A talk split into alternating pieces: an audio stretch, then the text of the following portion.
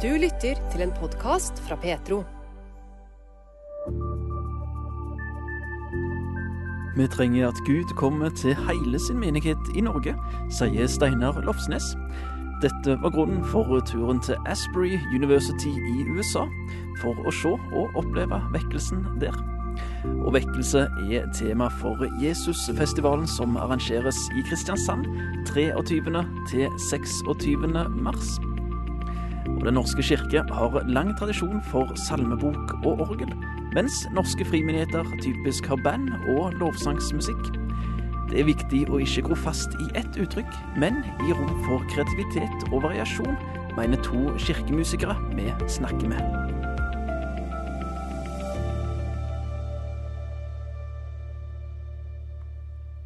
Artist Arvid Pettersen ønsker seg større musikalsk bredde og flere ulike instrumenter i bruk i norske menigheter.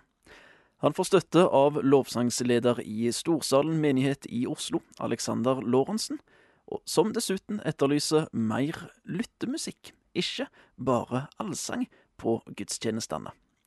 Hvordan kan norske menigheter legge til rette for en mer mangfoldig musikkbruk? For musikken står sentralt i Kristen-Norge, sier Alexander Lorentzen. Veldig sentralt, og det tror jeg gjelder de fleste kirker i Norge. Klart til og med altså, norske kirke så er det jo i liturgien er jo salme til salme innimellom ting. Men det er klart dette organiseres jo veldig forskjellig. Eh, mange pinsemenigheter og frimenigheter har jo lovsangsbolker ikke sant, med større samlinger av det. Og um, det er klart, I, i frikirkeligheten er det jo utrolig mange frivillige i sving uh, hver uke.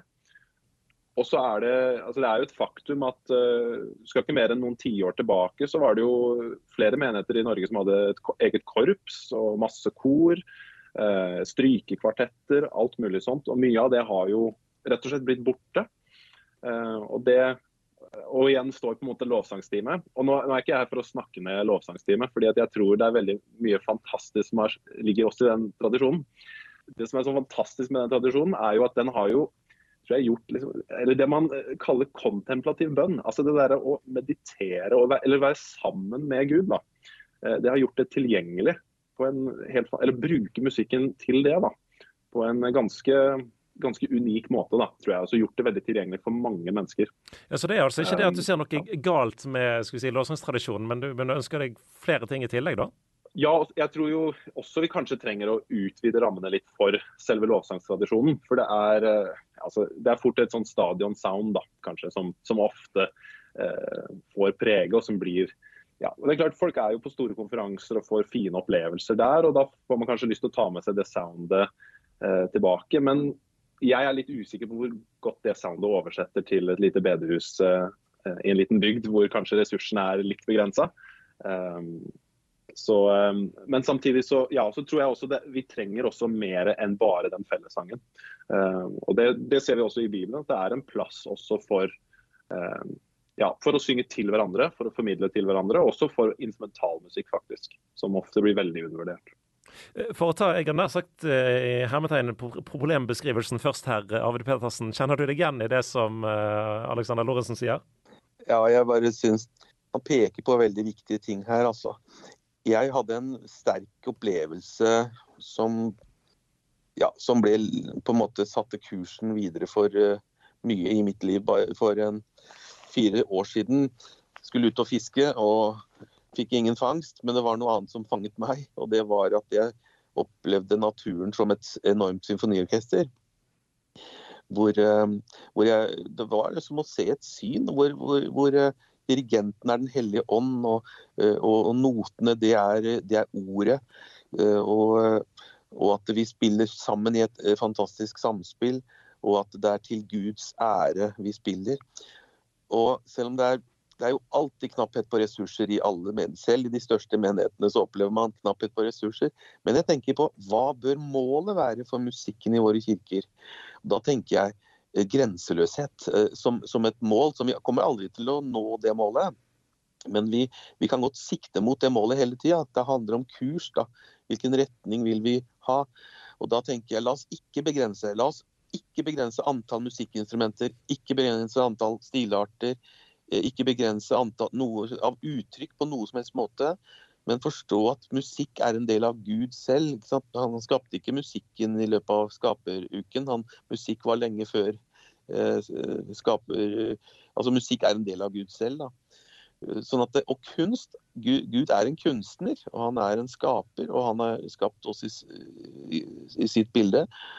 Og jeg tror at hvis musikk eh, Hvis eh, kursen og retningen vår er grenseløshet, nå tenker jeg at da kan veldig mye spennende skje, slik at ikke vi pakker og lager båser og små rammer og setter Gud inn i.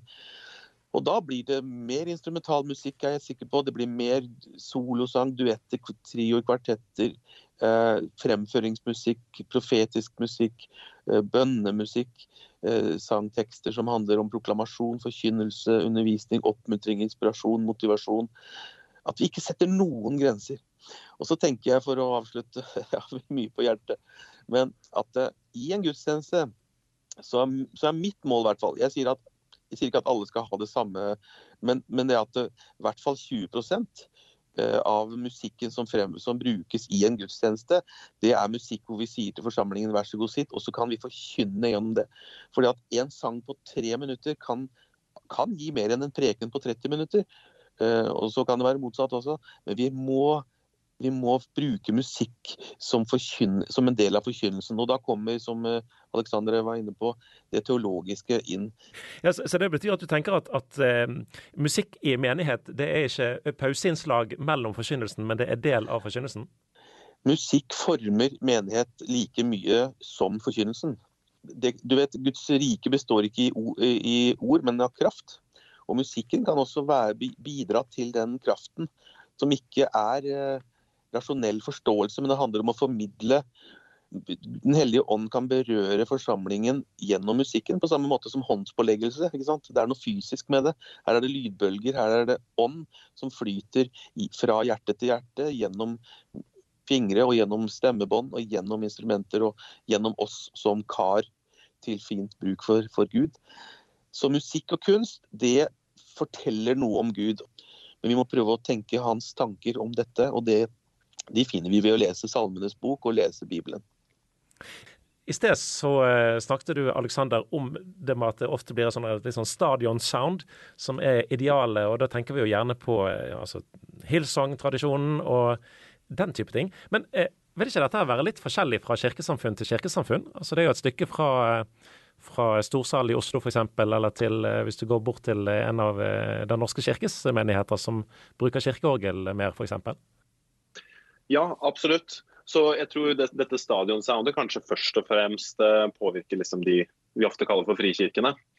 Ja, og I bedehusene så har det jo mange som kanskje bruker Hillsong, mens andre bruker fortsatt sangboka kanskje mer eh, og holder seg der. Men det er klart det også setter jo noen ganske sånne noen, noen rammer da, som kan være litt vanskelig å utfordre. Ja, for er Det litt sånn at, at, eh, det er vel fort sånn ikke det, at det setter seg på en måte en tradisjon, og så er det én ting som blir det riktige i hermetegn? Ja, og til en viss grad så tror jeg vi aldri kommer utenom det. fordi at uh, ja, man har bare det livet man har, og man rekker å lære noen instrumenter. og så kan man ikke ta opp et nytt instrument neste søndag. på en måte, Så, så en viss sånn kontinuitet og en tradisjon vil det jo absolutt være. Uh, men jeg, jeg synes jo det, det, Arvid snakket om i stad her, den, den grenseløsheten som et mål, som et ideale, tror jeg er veldig bra. altså Innafor de gjennomførbare grensene, kanskje, hvis det kan si det sånn. Men at, vi, men at, det faktisk utfordrer oss også da, til, å, til å gå noen skritt ekstra. Um, og jeg, jeg, har jo snakket med en, en god venn som, som er i, i, en menighet hvor han har opplevd rammene Eller egentlig, noen andre i menigheten har opplevd rammene for eh, trange. Men han sier ja, men det er nå rammene, men innafor de så er det fortsatt masse muligheter som folk ikke benytter seg av. Så jeg tror også kan du si, innenfor et stadionsound, da, hvis det er litt rammene i din menighet, eller orgelmusikk er rammene i din menighet, så finnes det faktisk store muligheter for kreativitet innenfor det også. Men man må kanskje se litt ekstra godt etter eh, for, å, for, å, finne de. Ja. Ja, hva, kan, eh, hva, kan, de mulighetene være, hvis du skal prøve å gi et, et par eksempler? Det spørs jo veldig hva slags sanger du skriver. Du, du, trenger jo ikke å ha fire akkorder på det. Du kan jo ha fem, du kan ha seks akkorder. Du kan ha en modulasjon. Eh, du kan ta med strykere på den samme sangen. Altså, jeg, jeg, har vært med å spille 'What a Beautiful Name' sammen med, med, Lars Berg. Og hadde med fantastiske musikere og en trommis som egentlig spiller jazz. Så jeg tenkte hvordan skal dette gå? Um, men du, han spilte jazztrommer. Han var seg sjøl. eh, mens vi spilte den oppbyggingen da, som er i den broa på What a Beautiful Name. Men det er en av de største opplevelsene jeg har hatt med den, med den sangen. Um, for han gjorde det på sin måte, og det ble, ble voldsomt sterkt. da. Det er litt vanskelig å sette ord på, på en måte, fordi at, uh, det er jo den samme teksten, det er den samme melodien, det er de samme sannhetene. Men, men det kan oppleves som at de får en, en, litt, en litt, annen innfallsvinkel. Altså det, du ser noen nye sider da, kanskje ved de sannhetene, ved den teksten. Så Jeg opplever jo ofte at en ny musikalsk drakt da, um, virkelig kan fornye min forståelse av en, av en tekst da, som jeg kanskje kjenner veldig godt fra før. Og Det tror jeg vi går glipp av da, hvis vi, hvis vi tenker at nei, sånn er sangen på plata, så da må vi spille den sånn på denne gudstjenesten også. Så tror jeg vi, vi snyter oss selv for, um, for egentlig åpenbaring, rett og slett. da. Jeg tror Gud kan bruke musikken og kreativiteten for å kanskje fornye forståelsen vår da, av disse store, viktige sannhetene. Har du noen eh, tips eh, Arvid, på, på hvordan en kan åpne opp for, for eh, mer musikalsk variasjon? Ja, absolutt. Og jeg, for, for, hver enkelt musiker i en gruppe har en, en, musikalitet som er like unik som hans eget fingeravtrykk. Og Derfor vi, må vi prøve å utnytte Ja, vi må bare benytte det så, så godt vi bare kan. Det er grenseløsheten som vi kan lære av Guds natur og skaperverket. Det er sånn vi kan ha som mål at musikken vår eh, også har den, eh, art, det artsmangfoldet som, som, vi ikke vil begrense. Men vi må være veldig forsiktige med å, å lage rammer, for da rammer vi og bokser vi inn mennesker. Og veldig mange uh, musikalske mennesker har kommet til meg og sagt jeg, jeg, jeg får ikke utfoldt meg i eh, lovsangstime fordi det er så mange regler for det er så menneskebud på hvordan det skal være her i menigheten vår. Liksom. Og så har man sikkert gode intensjoner med de reglene, men, men det begrenser. Og det, Som resultat er det veldig mange gode musikere som forsvinner ut av uh, musikkmiljøet i menigheter. Jeg kjenner mange pianister som, har, som, som sitter på gjerdet, eller som er ute og spiller på andre steder, fordi at det er ikke plass til deres store musikalitet i et lovsangsteam f.eks. Ja, og, og du Alexander, skrev òg i, i avisen Dagen at, eh, at, det sitter mange gode musikere i menighetene som ikke får brukt gavene sine? Ja, og det er for mange av dem så er det jo en opplevelse av at de, altså at de ikke får være seg selv. Fordi at eh, den musikaliteten som Arvid er inne på, så det er unikt for for, um, for hvert enkelt menneske. Og, og, det er eh, En som er kunstner, uttrykker noe dypt fra sitt indre. Um, og da å oppleve at det er det ikke plass til, eller det passer ikke innenfor disse rammene her, uh, det, det, er ikke noe å stå i over tid. da. Um, og, og da, da, er ikke en, en musikktjeneste blir ikke noe som gir Eh, det blir noe som tar mer enn det gir, da. Og det, det, tror jeg ikke folk orker å stå i over tid. Eh, og så tror jeg ikke vi skal svartmale det heller, for det er jo veldig masse bra mange steder. Eh, men samtidig, det er mange som sitter med disse erfaringene, og jeg tror jo det er viktig at vi eh, sender et signal da, om at de er ønska, og at vi faktisk også gir dem reell plass til å, ja, til å gi oss av de gavene de har. Jeg er helt sikker på at uh, intensjonen er veldig god med å ha noen regler og noen rammer Eh, F.eks. så kan en intensjon være at eh, mennesker som kommer på gudstjenesten vår som, er, som er kirkefremmede og sånn, at de skal kjenne igjen eh, At det ikke skal være så fremmed. Det er bare det at de kommer jo i kirken for å møte Gud. Og, og da forventer de antagelig ikke at det skal, skal, være så likt puben som mulig, eller så likt uh, U2-konserten uh, som mulig, uh, tror jeg. Og så tenker jeg at eh, en sanger en musiker eh, Det som er det grunnleggende her, er at du har opplevd Jesus, og Jesus er livet. og Derfor så vil det livet det vil flyte ut. Og det hjertet er fylt av, det taler munnen, og det spiller fingrene. Eh, og Bibelen sier bli fylt av ånden, slik at dere taler til hverandre med salmer og sanger og åndelige viser. Og synger og spiller av glede for Herren.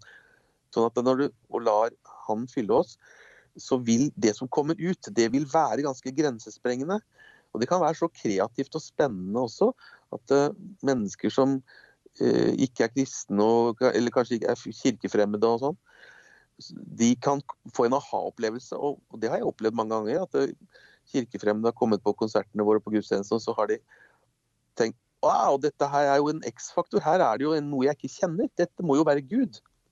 Jeg hadde lyst til å avrunde litt med et litt sånn personlig spørsmål eh, til hver av dere i tur og orden. Hva har musikk Kan du gi et eksempel på hvordan musikk har betydd noe for deres egen tro, deres eget gudsforhold? Oi, ja det er jo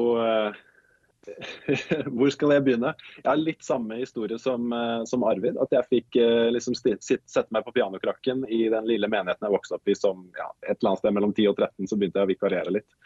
Det tror jeg ga meg en naturlig plass. Jeg fikk bruke det jeg kunne der. Det har vært viktig. Så er det masse annet jeg kunne ha sagt. Men faktisk, eh, jeg vil løfte fram opplevelsen min på bibelskolen. Da jeg gikk der, så, så opplevde jeg at i lovsangen, i det å synge, så datt sannheten på plass av en opplevelse av at jeg fikk liksom åpenbaringer, rett og slett, um, da vi sang. Så jeg har en, også en veldig tro på at Gud er til stede når vi synger. At Den hellige ånd gjør ting. da. For jeg har kjent også at han har gjort det i, i meg. da. Og eh, Arvid, Har du et eksempel på hvordan eh, musikken og, og gudstroen har, har kobla seg sammen eh, for deg? Ja, det er hvordan musikk har eh, berørt meg når jeg ikke selv har spilt, men når jeg har lyttet til andre. da. Min opplevelse har vært at det er Gud som har åpenbart mer av hvem han er. Sin skjønnhet, sin godhet, sin kraft. Gjennom instrumenter og gjennom musikk. I ulike ja, åndsinspirert musikk. da. Helt til slutt en menighet i Romania. Jeg har vært veldig mye i Øst-Europa og hatt konserter og eh, gudstjenester. Og en, en menighet i eh, Vest-Romania, en by som heter Timoshvara, så er det et en pinsemenighet med symfoniorkester. Der er det 70-80 eh, manns orkester. Og så er det 40-50 i et kor. Å sitte der og lytte til, eh, til, til, alt dette her, ja, det er akkurat som at de maler Kristus med instrumenter. Altså. Det er fantastisk. Det sa artisten Arvid Pettersen. Du hørte òg lovsangsleder i Storsalen menighet i Oslo, Alexander Lorentzen. Bakgrunnen for samtalen var ulike intervju og innlegg de to har hatt på trykk i avisa Dagen for litt siden. Vil du høre mer og snakke mer om tematikken, kan du sjekke ut konferansen Lovsang 23, som arrangeres i Oslo 23. til 25. mars. Reporter i innslaget var Bjørn Inge Sakstad. Takk for at du lytter til denne podkasten fra Petro. Liker du det du hører, setter vi pris på om du tipser andre om radiosendinger og podkaster fra Petro. Du finner oss på DAB, og både radiosendinger og podkaster er tilgjengelige i Petro-appen, som enkelt lastes ned fra Google Play eller AppStore. En liten by i USA med rundt to trafikklys og 6000 innbyggere ble kjent for store deler av verden fordi morgenandakten 8. februar ved Asbury University i byen Wilmore varte i 16 dager. Med over 100 millioner delinger på TikTok og andre sosiale medium fikk hele verden høre om at unge mennesker ble kristne på denne skolen. Steinar Lofsnes, pastor i menigheten Jesusfellesskapet i Bergen, reiste sjøl til Asbury University for å se og høre historiene om unge mennesker som ville tro på Jesus. Det er jo fordi at uh, jeg har en veldig lengsel etter vekkelse i vårt land og i vår by. Uh, og at Gud skal gjøre noe. Det må ikke se likt ut som det, men at, men at evangeliet skal få trenge gjennom, at uh, folk skal bli frelst, men òg at først og fremst at Guds menighet blir vekket opp. For det, det er alltid det vekkelse begynner med. Så det er jo lengselen etter det da, som gjorde at jeg dro. Dette skjedde i en uh, liten by. Wilmore heter den. Den ligger altså nordvest for Nashville i uh, staten Kentucky. En by på, med innbyggere på 6000. Og på dette universitetet så har jeg lest at det går rett under 2000 studenter. Og Denne byen her fikk besøk fra hele USA, til og med fra Norge. Og, og, og, det har blitt skrevet om den både på NRK og i VG. Er det så spesielt å oppleve vekkelse på jordkloden vår i dag at til og med du reiser helt fra Norge til USA for å finne ut hva er det som skjer? Ja, kanskje det er et symptom på at, vi, eh, at det har vært for lite av det. da. Eh, og at det er en enorm åndelig sult. Og det er, det er min personlige opplevelse. Når jeg hørte om det, så bare merket jeg at åh, dette har jeg lengtet utrolig etter. Eh, og mange andre har sagt det òg. Så jeg tror nok det er kanskje et jeg har, tenkt, jeg har, tenkt, på Johannes døperen. Han kom jo i en tid i Israel der det hadde, vært, det hadde ikke vært mye som hadde skjedd. Det hadde vært en profetstillhet, og det var liksom tørt. Og eh, når han sto fram, så liksom løpte folk altså, fra hele Israel ut i ørkenen for å møte han. Og det er litt sånn av den opplevelsen som eh, jeg fikk, da. At det har vært en enorm lengsel. Men dette skjedde i en altså, liten by. Uten TikTok og Instagram, hadde vi fått uh, vite om det som skjedde på samme måten, tror du? Det hadde sikkert tatt litt lengre tid. Men altså, det gikk jo uh, det gikk jo ja, overalt i amerikanske medier, og da sprer det seg gjerne. Så, så hvem vet. Eh, men jeg tror to, ting, ting, har spredd seg sånn før òg, men det har tatt mye lengre tid. Sant? Det har tatt mange uker. Men med sosiale medier så går det bare et par dager, og så vet eh, liksom hele verden det. da. Eh, men til og med på sosiale medier så må jo det for at det skal spre seg, så må jo det være en veldig umiddelbar respons på det. Så det i seg sjøl òg viser jo det at det har vært en veldig lengsel med en gang disse rapportene begynte å komme. Du bruker ordet lengsel. Eh, betyr det at eh, dette er noe som eh, en kan oppleve, men, men, ikke nødvendigvis For det er vel Gud som egentlig styrer om en vekkelse skal skje eller ikke? Ja, men jeg tror jo Så hva er vekkelse? sant? Eh, mange, på mange måter er vel vekkelse bare det som ble beskrevet i f.eks. Det nye testamentet. Det kristne livet i Det nye testamentet. Og eh, og det er, vel, det er, vel, det vi egentlig lengter etter. Eh, og vi har jo en lang historie i Norge og Europa òg med, med, tider av vekkelse. At Gud har vekket opp både sitt folk, og at mange mennesker har møtt Gud. Eh, så jeg tror jo kanskje det at fra, fra Guds side så, så er vel hans lengsel at det skulle være normaltilstanden vår.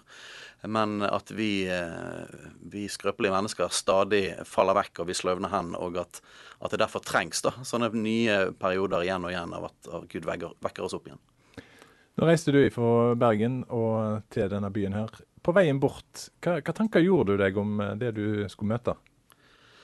Nei, jeg var jo, jeg var jo veldig spent, men, men, mest av alt bedende. Sant? For mitt hovedpoenget mitt med å dra bort der var jo både for å se og for å erfare, men, men eh, mer enn noe annet en bønn om at Gud skal gjøre noe i Norge. Så, så det måte, dette ble litt som en slags trigger til, til den lengselen og den bønnen. Det er jo noe vi, noe vi, ber om i vår menighet. har vi hatt bønn og lovsang hver eneste dag i ett og et halvt år, der vi ber om at Gud skal komme og gjøre noe i byen vår. Så det er jo ikke en ny ting, men det er akkurat som at det ble litt sånn bensin på det bålet. da. Eh, så det var liksom sånn jeg kom bort dit, med en sånn enorm lengsel og en bønn til Gud. Mm. Men hva skjer i din menighet hvis, hvis uh, dette her skjer i din menighet? At uh, møtene begynner, og så bare fortsetter de? Ja, hvem vet. Vi har jo aldri opplevd det. Men, uh, men jeg tenker det får heller Gud lede. Mitt, mitt, hovedfokus er det at vi, vi, trenger at Gud kommer. Vi trenger at han kommer mer nær, og at han vekker oss opp. Både i vår menighet, men i hele Guds menighet, tror jeg. Og, eh, og, om man gjør det, så vil vi forvalte det. Da vil vi jeg, ta vare på det og, og være i det. det. det. som Gud gjør, så lenge han holder på med det. Men det finnes jo mange historier om mennesker som opplever kristne som fordømmende, som eh, vet bedre, som eh, ikke vil ha noe med det å gjøre, som er veldig for og imot en del ting. Vil det påvirke det bildet òg, da? ikke bare at andre mennesker ser kristne annerledes, men at kristne får et flytta fokus, hvis det er lov å si sånn? Jeg tror, i fall, jeg, jeg tror, ikke det er det at vi blir mindre tydelige. Sant? Jesus var jo fryktelig tydelig. Men, men, det er likevel noe med det livet og den, den, kraften og den kjærligheten som på en måte lyser ut av oss. da. Eh, og Jesus hadde jo den enorme egenskapen at, at, han var tiltrekkende på syndere og tollere og alle mulige slags folk. Alle som var på en måte lengtet etter, etter noe. da. Um, men han var jo knalltydelig på synd og på rett og galt. Så, så dette her er både kompromissløst, men ikke likevel, likevel ikke hardt. Eh, og, og, og, med dette livet. Sant? De sa om Jesus sa etter bergpreken at eh, det var noe liksom med hans forkynnelse. Det var ikke sånn som de skriftlærde. Eh, eh det, var, det, var, sant, det var ånd, det var kraft, det var liv. Det var noe annet der med Jesus. Selv om hele bergpreken er jo full av veldig tydelig forkynnelse eh, og etterfølgelse. Um, så jeg tror det er denne, denne X-faktoren. Ja, tydelighet, men, men det må være liv. Det må være kjærlighet. Denne generasjonens problem med angst og mental helse var blant de mest konsistente ønskene når folk ønska at noen skulle be for dem. Det sier Zack Mearcreeps til vg.no. Det var han som holdt andakt onsdag morgen 8. februar på Asbury University i byen Wilmore i USA, da vekkelsen starta. Steinar Lofsnes, pastor i menigheten Jesusfellesskapet i Bergen, har nylig kommet hjem fra et besøk på dette universitetet. Det er mange utfordringer generasjon Z opplever i dagens samfunn, som kan påvirke deres mentale helse. Jeg tror heller å si at de er totalt overveldet eh, av den enorme økningen av problemer med psykisk helse. Og jeg personlig tror at det er noe som ligger under det. At, uh, at det er en frukt av en kultur som har gått vekk ifra Gud, en kultur som har gått vekk ifra eh, rammer. Kristne rammer for livet og for rett og galt. Og at eh, en generasjon som har opplevd massevis av eh, sammenbrudd i familier og farløshet og masse sånne ting. Um, og er blitt kastet ut i fri sex og, og, og, rusmidler og til og med kjønnsidentitetsgreier og sånne ting. Og alt dette her ligger jo veldig til rette da, for at folk begynner å slite med hvem de er, og hvorfor de er her, og hvordan de har det. da. Så, så jeg, jeg, tror jo det at det er ingenting som virkelig kan, kan møte disse ungdommene og, og, hjelpe disse mer enn Gud, selv om jeg er jo kjempeglad for alt man kan gjøre av hjelp med psykisk helse. Men det er jo dypere problem her, da, som som jeg tror liksom er et rop eh, i dette. her. Når Gud beveger seg på den måten, så er det som at denne generasjonen bare har sånn at Gud, vi trenger hjelp. Grip inn i våre liv, grip inn i våre hjerter og våre sinn. Når du var i eh, denne byen i USA, så opplevde denne vekkelsen. Hva forteller de om bønnesvar og, og det som gjør at de velger å endre livet sitt? Det var veldig spennende å snakke med, med folk om hva som liksom har skjedd før der. da. Um, og selv om vi har ikke kontroll på hvordan sånne ting skjer, at det på en måte er en sånn Guds suverenitetsside av sånne vekkelser, at bare plutselig skjer det. Og på en måte er det uventet og brått. Men på den andre siden så ser du at det er alltid i vekkelseshistorien så ser du at det er noe som har gått foran. Det har alltid vært folk som har bedt. Det har alltid vært, folk som, det har alltid vært en lengsel og en sult der. Um, og, og, vi fikk snakke med så mange folk som som hadde opplevd at Gud hadde talt om at dette kommer til å skje. Mange år på forhånd og var trofast i bønn. Vi møtte en, en malaysier som Gud hadde kalt tilbake igjen. Han var en teologiprofessor i Malaysia. Hadde vært der som på Asbury eh, og studert. og Så dro han hjem til Malaysia, var teologiprofessor der. Og så opplever han at uh, Gud talte til han. han uh, dette var ingen karismatiker. Han trodde ikke egentlig på at Gud talte på den måten. Men, men han, han, ble ikke kvitt det. Og uh, han opplevde at han skulle slutte i jobben sin, flytte til Wilmore og, i, og på heltid be. Og han var altså i to år og åtte måneder. Så gikk han hver eneste dag fram og tilbake i byen der og ba om vekkelse i byen. Eh, og vi fikk møte han. Så masse sånne historier da, som gjør at eh, du ser at dette var en forventning, dette var en lengsel, at det er noe de hadde bedt om. Og når det plutselig skjedde noe, selv om det var brått og uventet, så, så var det akkurat som at de, de ga umiddelbar respons på det. Sant? Universitetet åpnet opp, eh, og de, og de de skjønte at dette var Guds svar på ditt bønner. Er en blitt for eh, sløve da, i, i, i, resten av verden, som, som ikke opplever dette i, i, sine menigheter? Jeg tror jo, Heldigvis så gjør jo Gud ting over hele verden. Eh, han er ikke fraværende. Um, og i den tredje verden så har vi opplevd i mange tiår at det er flere vekkelser rundt omkring. Som både i Afrika, Sør-Amerika, eh, i Asia, flere steder. Men i Vesten så, så tror jeg at eh, ja, de siste 50-60 årene så har det jo vært en sånn enormt frafall fra kristen tro. Um, og selv om Gud selvfølgelig er, vært, er på ferde i, i, Vesten òg, så, så, har det vært en tørr tid, da. Og ja, jeg, jeg, tror virkelig at vi alle sammen har, har blitt sløve. Og, og, har et enormt press av sekularisering på oss. Det, uh, og jeg tror virkelig vi dypest inne så tror jeg veldig mange kristne er sultne og lengter da etter at Gud skal komme og fornye oss og forfriske oss, og at vi skal få bli enda mer det Gud har kalt oss til å være. da. Ja, hva er det Gud har eh, ønska for, for, oss mennesker på jord? Ja, Et ord, ord som jeg har delt mye i, i, i menigheten de siste, de siste dagene, er eh, at Jesus sier det at vi er jordens salt men om saltet mister sin kraft, så kan det ikke brukes til noen ting. Sant? Og det blir tråkket ned av menneskene. Og jeg tror, altså, så hva, hva er hensikten? Jo, vi, vi, skal være salt. Vi skal være salt uh, i landet vårt, i kulturen vår, i, i vår verden. Vi skal få være, ikke bare forkynne evangeliet, men få lov til å være evangeliet, demonstrere evangeliet. Og jeg tror at sånn på generell basis så tror jeg det at vi har mistet vår kraft, og saltet har mistet sin kraft. Um, og at veldig mange nesten føler seg overveldet over på en måte avkristning og sekularisering. Um, så vekkelse tenker jeg er at, at vi får tilbake vår kraft da, som kristne. At han vekker oss opp uh, og fornyer oss, sånn at vi kan være lys og salt i denne verden. Ja, når du sier lys og salt. Eh, mer konkret, du er jo pastor, eh, så sånn sett så, så, har du jo det i jobbeskrivelsen din. Eh, men, men hvordan ønsker du at eh, mennesker rundt deg skal oppleve deg, at eh, du er som mer konkret lys og salt? Nei, min, min, mitt ønske og mitt hjerte er jo at mennesker skal få oppleve Jesus gjennom meg. Um, både gjennom ordene jeg sier, men, også, men mer enn det. At, at vi skal lyse Jesus uh, i alt vi gjør. Uh, og, og, at mennesker skal møte Jesus gjennom meg. Det, det er min dypeste lengsel. Uh, og heldigvis så skjer det lite grann. Men, men det er Det kommer stadig til, tilbake til ordet lengsel. altså Jeg har en bare enorm lengsel etter mye mer av det. At, at, og det gjelder for vår menighet og alle andre kristne. At det skal skje i mye mye større grad. Men vi har òg en sånn erkjennelse da, av at vi får ikke til noe i egen kraft. Får, det er ikke liksom vår egen disiplin eller våre, våre, fantastiske gjerninger. Det er ikke sånn Gud gjør ting. Men det er jo det at, han forandrer våre hjerter. At, han, at, vi blir så preget av han at det, det lyser av oss. At, at, det flyter ut. Det er jo sånn evangeliet fungerer. At han forandrer oss, og så berører det andre Du hørte Steinar Lofsnes, pastor i menigheten Jesusfellesskapet i Bergen. Nylig kom han tilbake fra en tur til Asbury University i byen Wilmore i USA. Det var Bjørn Steinar Haugland som hadde snakka med Lofsnes. Dette er en podkast fra Petro.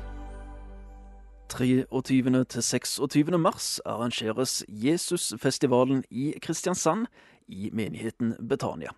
Arrangørkomiteen er selvstendig og ønsker velkommen folk fra alle menigheter, og folk som aldri har vært i noen menighet. Geir Johannessen er evangelist og har vært mangeårig pastor i Misjonskirken Norge, og han er en av de som står i spissen for festivalen, som arrangeres for andre gang. Og Det var en konferanse i Nederland som han deltok på, som er noe av grunnen til at Jesusfestivalen oppsto. For mange år siden var jeg på en konferanse i Nederland med Billy Graham. En konferanse for evangelister. Og da var det en forkynner som eh, talte over en tekst fra Salmenes bok. Og da stod det der Når grunnvollen svikter, hva kan da den rettferdige gjøre? Det var utgangspunktet for den svarte evangelisten. Hill, tror jeg han heter. Og da svarte han Preach Jesus. He is preachable.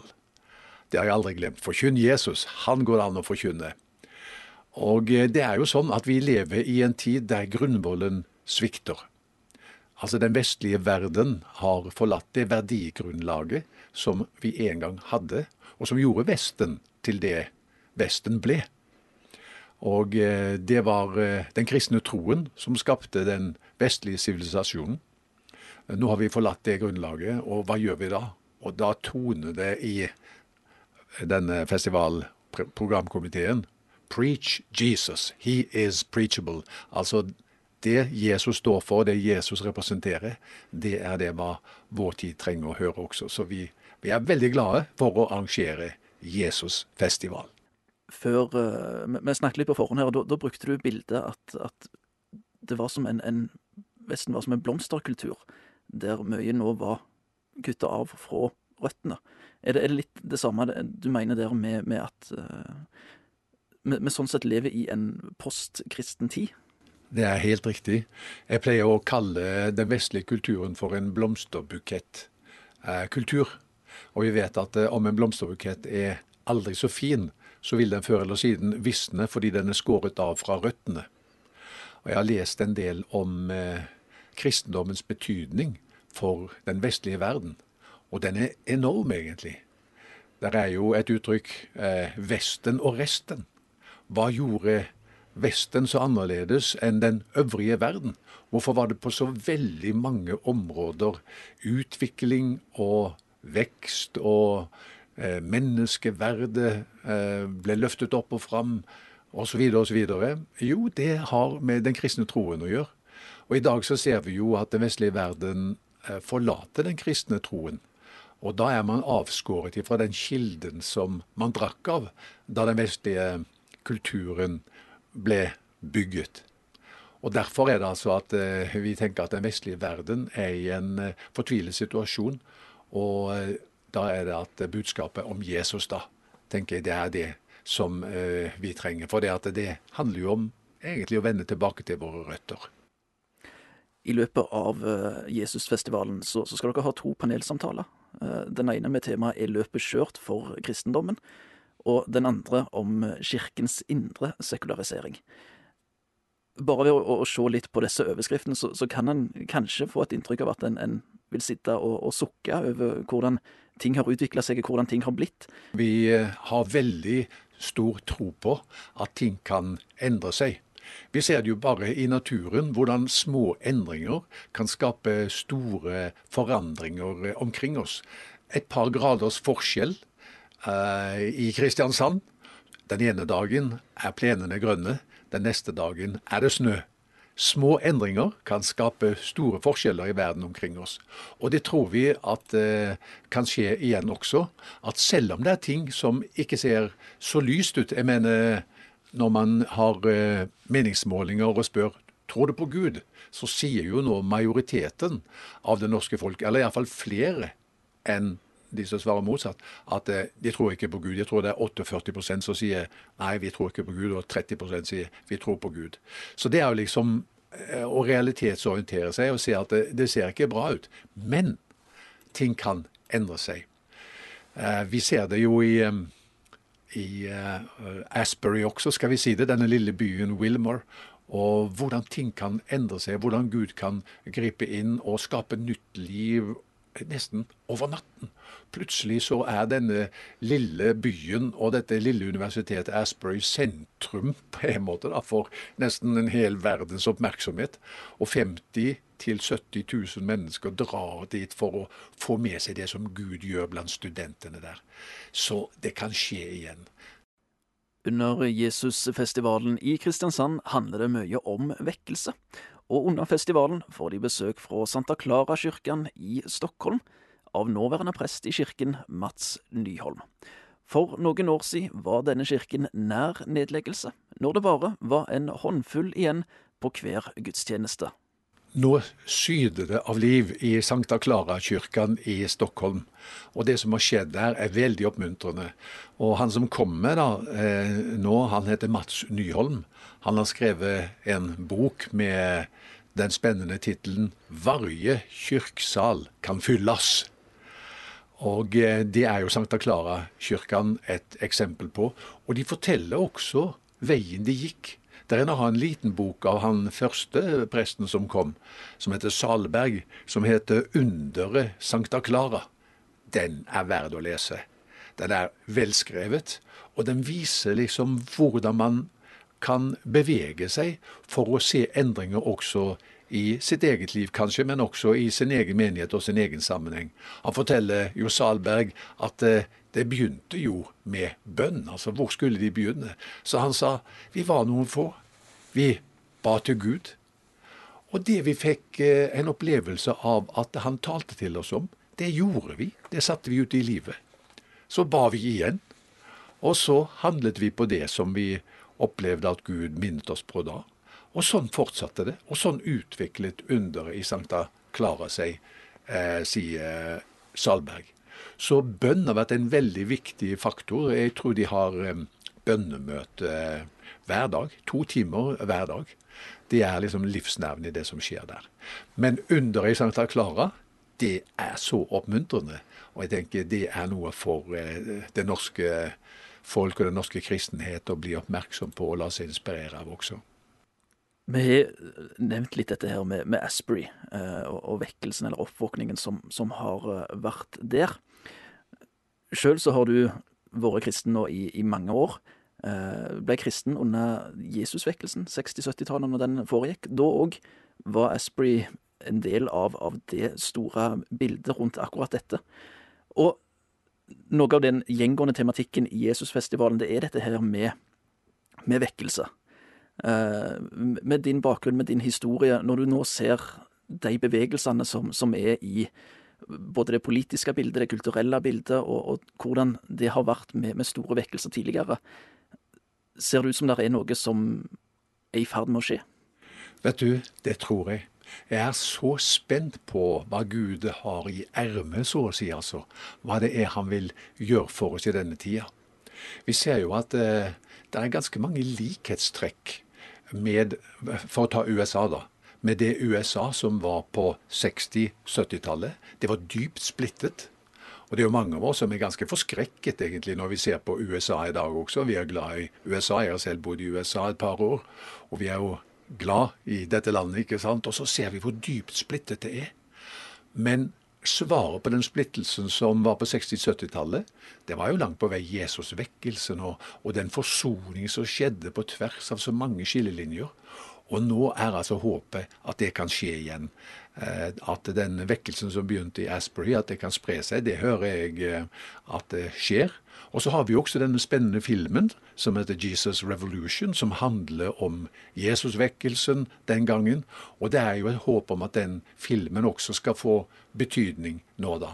Det er jo eh, interessant at den filmen har jo vært ferdig en stund, men så kom pandemien, og, og det var liksom ikke tid for å kjøre den ut på kinoer. Men nå er den altså her, og det ser ut som det er en slags timing i dette òg. Samtidig så har vi det som skjer i Asbury, og så sprer dette seg til andre universiteter. Og så kommer denne filmen. Og jeg tenker at eh, dette her vil vi eh, kunne hente inspirasjon av også i Norge. Så jeg tror at eh, Ja, hvem vet? Kanskje skal vi få se en ny ungdomsvekkelse. Det som skjer i USA, den generasjonen som det nå eh, er vekkelse blant, det er jo Gen Z, generasjon Z. Og det er jo en generasjon som har arvet en ganske kaotisk verden. Jeg må si at det, jeg føler altså, Jeg har jo barnebarn. Jeg føler veldig med denne generasjonen. Eh, hvilket eh, håp har de, liksom? Eh, det er eh, global oppvarming, klimakrise, det er krig i Ukraina. det er, eh, vi, vi behøver ikke male dette ut, vi kjenner dette her bildet. Og mange i denne generasjonen har ikke en framtid, liksom. Jeg snakket med en person en gang som sa Min opplevelse, sier hun, og jeg kan oppsummere det hun sa med følgende ord, det er dagen er snart slutt, og natten kommer. Det var liksom hennes opplevelse. Og så står det faktisk i Romerbrevet 13 akkurat det motsatte. Det er natten som snart er slutt. Dagen kommer. Og dette budskapet, det trenger generasjon Z og de som lever i dag i det hele tatt, å høre. Det er håp. Det er fremtid. Hva er det som skal skje da? Ja, men vi tror at Jesus skal komme tilbake, og eh, det skal bli en ny himmel og en ny jord. Løpet er ikke kjørt. Det er sommeren som kommer. Og dette, når vi har det fremtidsperspektivet, når vi forstår hva som ligger foran oss, da sier Bibelen det er et levende håp. Det betyr det er et håp som gir oss kraft til å leve i dag. Til å møte dagens utfordringer på en annen måte enn hvis vi tenker liksom, nå bare går vi rett inn i natta. Så vi går inn i dagen når tiden kommer, og det hjelper oss å leve. Så jeg tenker at eh, vi må gi Eh, generasjon sett evangeliet. Nå er tiden.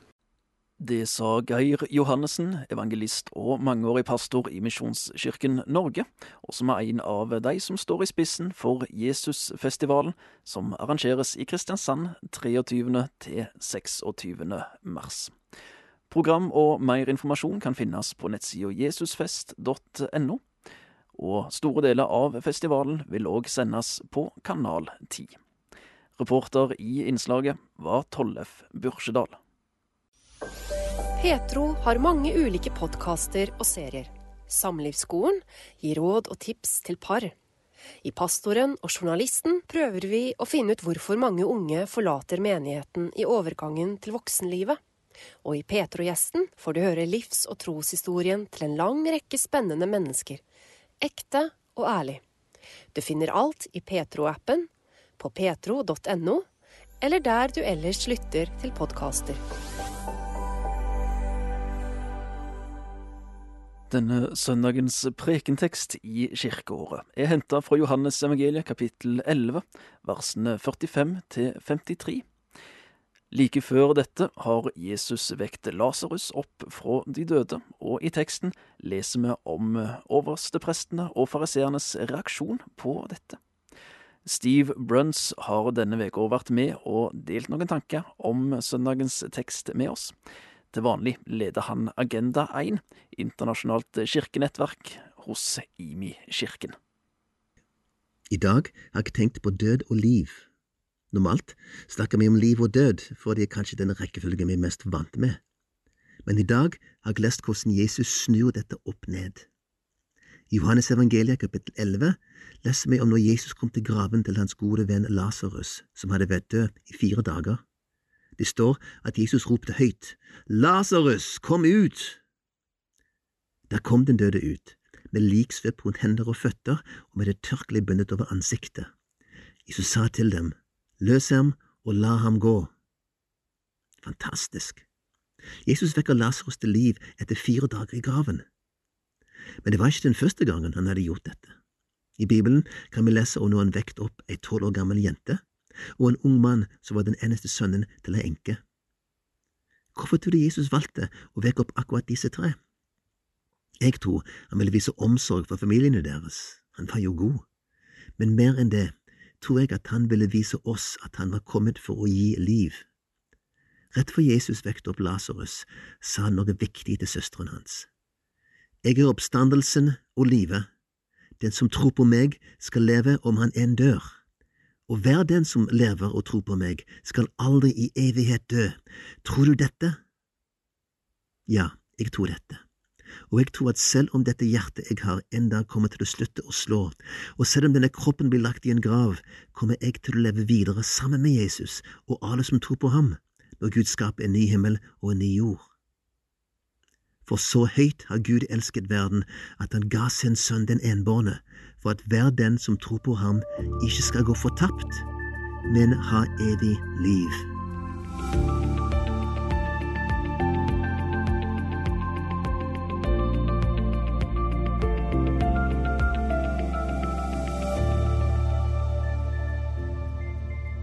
I dag har jeg tenkt på religion.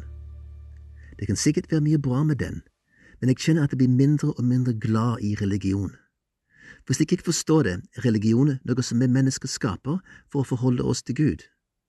Tradisjoner, ritualer, læresetninger, alt det som er rammen rundt troslivet vårt. Og alt dette kan faktisk komme i veien for Gud.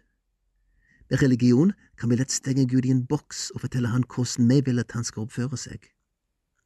I dag leste jeg Johannes evangeliet kapittel 11 om de religiøse lederne i Jerusalem på Jesu tid. Jesus hadde nettopp vekt Lasarus opp fra de døde, og dette skapte mye oppstandelse, for å si det slik. Mange mennesker kom til å tro på Jesus, at han var Guds sønn, og det skulle bare mangle. Men dette ble en stor trussel for de religiøse lederne, og de ble både sinte og redde. Det som er merkelig, er at også de trodde at Jesus hadde vekket opp Lasarus fra de døde. Det står at de sa, Hva skal vi gjøre? Dette mennesket gjør mange tegn. La meg ham holde på slik, vil snart alle tro på ham. Så kommer romerne og tar både det hellige stedet og folket vårt. Jesus truet deres religion, det systemet de hadde bygd opp, makt, og posisjon, tradisjon. Jesus passet ikke inn i deres bokser. De var opptatt av å beholde status quo. De var redde for hva romerne ville finne på. De hadde inngått kompromiss med disse verdslige autoriteter så derfor bestemte disse religiøse lederne for å drepe Jesus. Så tenk deg på hvordan vi lever i dag. Hvor opptatt er vi av å beholde ting sånn som de er? Hender det at vi prøver å putte Gud i en boks og fortelle han hvordan vi vil at han skal oppføre seg? Kan vår religion komme i veien for vår relasjon med Gud? Jeg bare spør.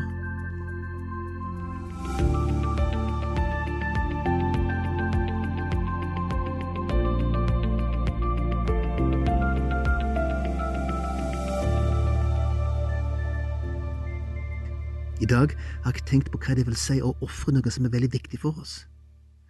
Jeg leste en historie i begynnelsen av Bibelen, i første Mosebok 22, som virker egentlig ganske sprøtt. Det er en fortelling om når Gud skulle sette Abraham på prøve og ba han om å ofre sønnen sin Isak. For det første er det sprøtt at Gud skulle be noen om å drepe sønnen sin. Den Gud som jeg kjenner fra Bibelen, ville aldri gjort det. Men så er det like sprøtt at Abraham bestemmer seg for å gjøre det.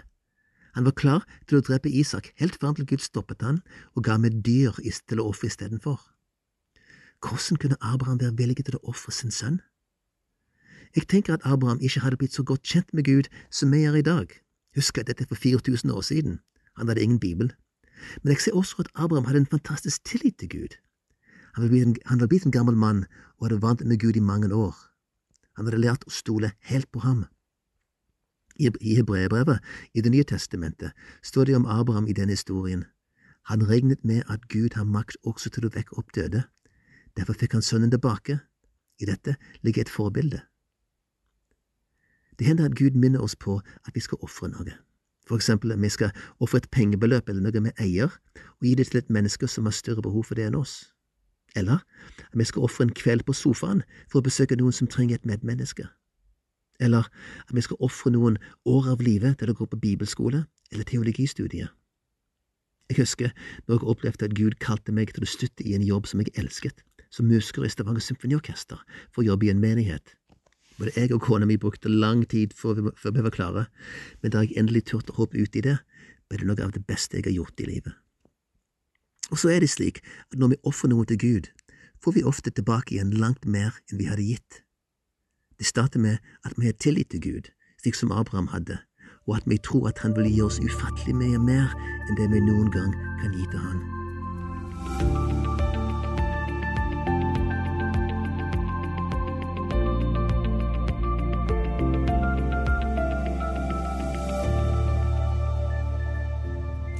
I dag har jeg tenkt på hvor ufattelig stor Guds kjærlighet er, at han ofret sin egen sønn for oss. De siste dagene har jeg lest historien fra første Mosebok kapittel 22 om den gangen Gud ba Abraham ofre sin sønn Isak. Den historien har jeg kjent siden jeg var en liten gutt på søndagsskolen.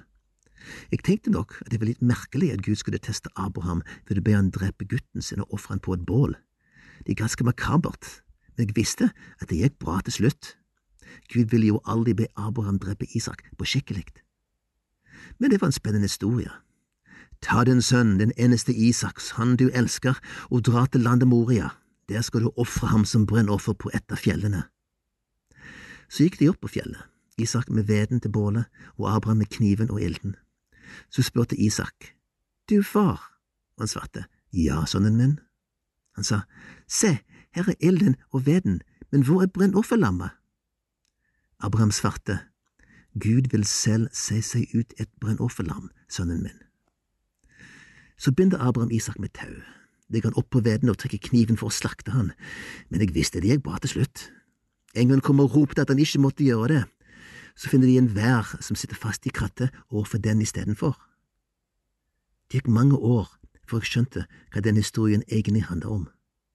Den peker fram 2000 år til et annet fjell rett utenfor Jerusalem der en annen far skulle ofre sønnen sin. Men da Jesus skulle spikres til korset, var det ingen engel som ropte. Det var ingen vær som satt fast i krattet, og denne gangen gikk det ikke bra til slutt. Det var Jesus som måtte dø. Det var Gud som måtte snu seg vekk da hans sønn, den eneste han som far elsket, lot seg slakte slik at vi skulle gå fri. Abraham tatt det på fetteste, han sa, Gud vil selv se seg ut et brennår for ham, sønnen min og døperen Johannes tatt det fettisk da han så Jesus og sa, Se Guds lam som bærer bort verdens synd. For en ufattelig kjærlighet.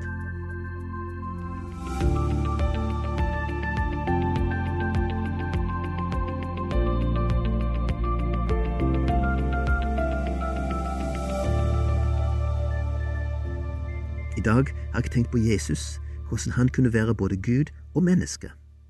Jeg leste i Bibelen, i brevet til hebreerne.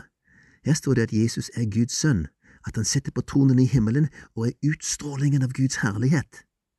Men så i kapittel fire leser vi at Jesus ikke er en som ikke kan lide med oss i vår svakhet, men en som er prøvet i alt på samme måte som vi, men uten synd. Verset her viser oss at Jesus virkelig var et menneske. Han måtte gå gjennom det vi går gjennom. Han ble misforstått, mistenkeliggjort, baktalt og mobbet, han ble fristet, han var tørst og sulten, han var trøtt og stresset. Han ble også sint og lei seg. Han gråt og han lo, men han taklet alle utfordringer uten å synde. uten å gjøre noe galt. Jeg har sett en del på serien The Chosen i det siste. Jeg liker hvordan det viser et menneskelig side ved Jesus. De som lager serien, bruker både Bibelens tekster og egen fantasi for å gi oss et bilde på hvordan det kunne ha vært å møte Jesus da han vandret rundt her på jorden. Når jeg leser at Jesus er prøvd i alt på samme måte som oss, og at han kan lide med oss i vår svakhet, så blir det stort for meg at han skjønner oss, han kan identifisere seg med oss. Han har vært her og vet hvordan det gjør å leve livet. Så står det i neste verset. La oss derfor frimodig tre fram for nådens trone, så vi kan finne barmhjertighet og finne nåde som gir hjelp, gir hjelp i rette tid. Dette er gode nyheter. For selv om Jesus er den allmektige Gud, kongenes konge som sitter på tronen i himmelen, så kjenner han oss og forstår oss. Da han døde på korset, var det for å forsone oss med Gud, for å åpne en vei til himmelen for alle som tror på ham. At han, at vi kan bli tilgitt og ren og finne frimodighet til å komme helt fram foran tronen hva som helst for der kan vi finne nåde, barmhjertighet og få den hjelp vi trenger for å leve livet her og nå. Takk, Jesus, at du ble ekte menneske, at du er ekte Gud.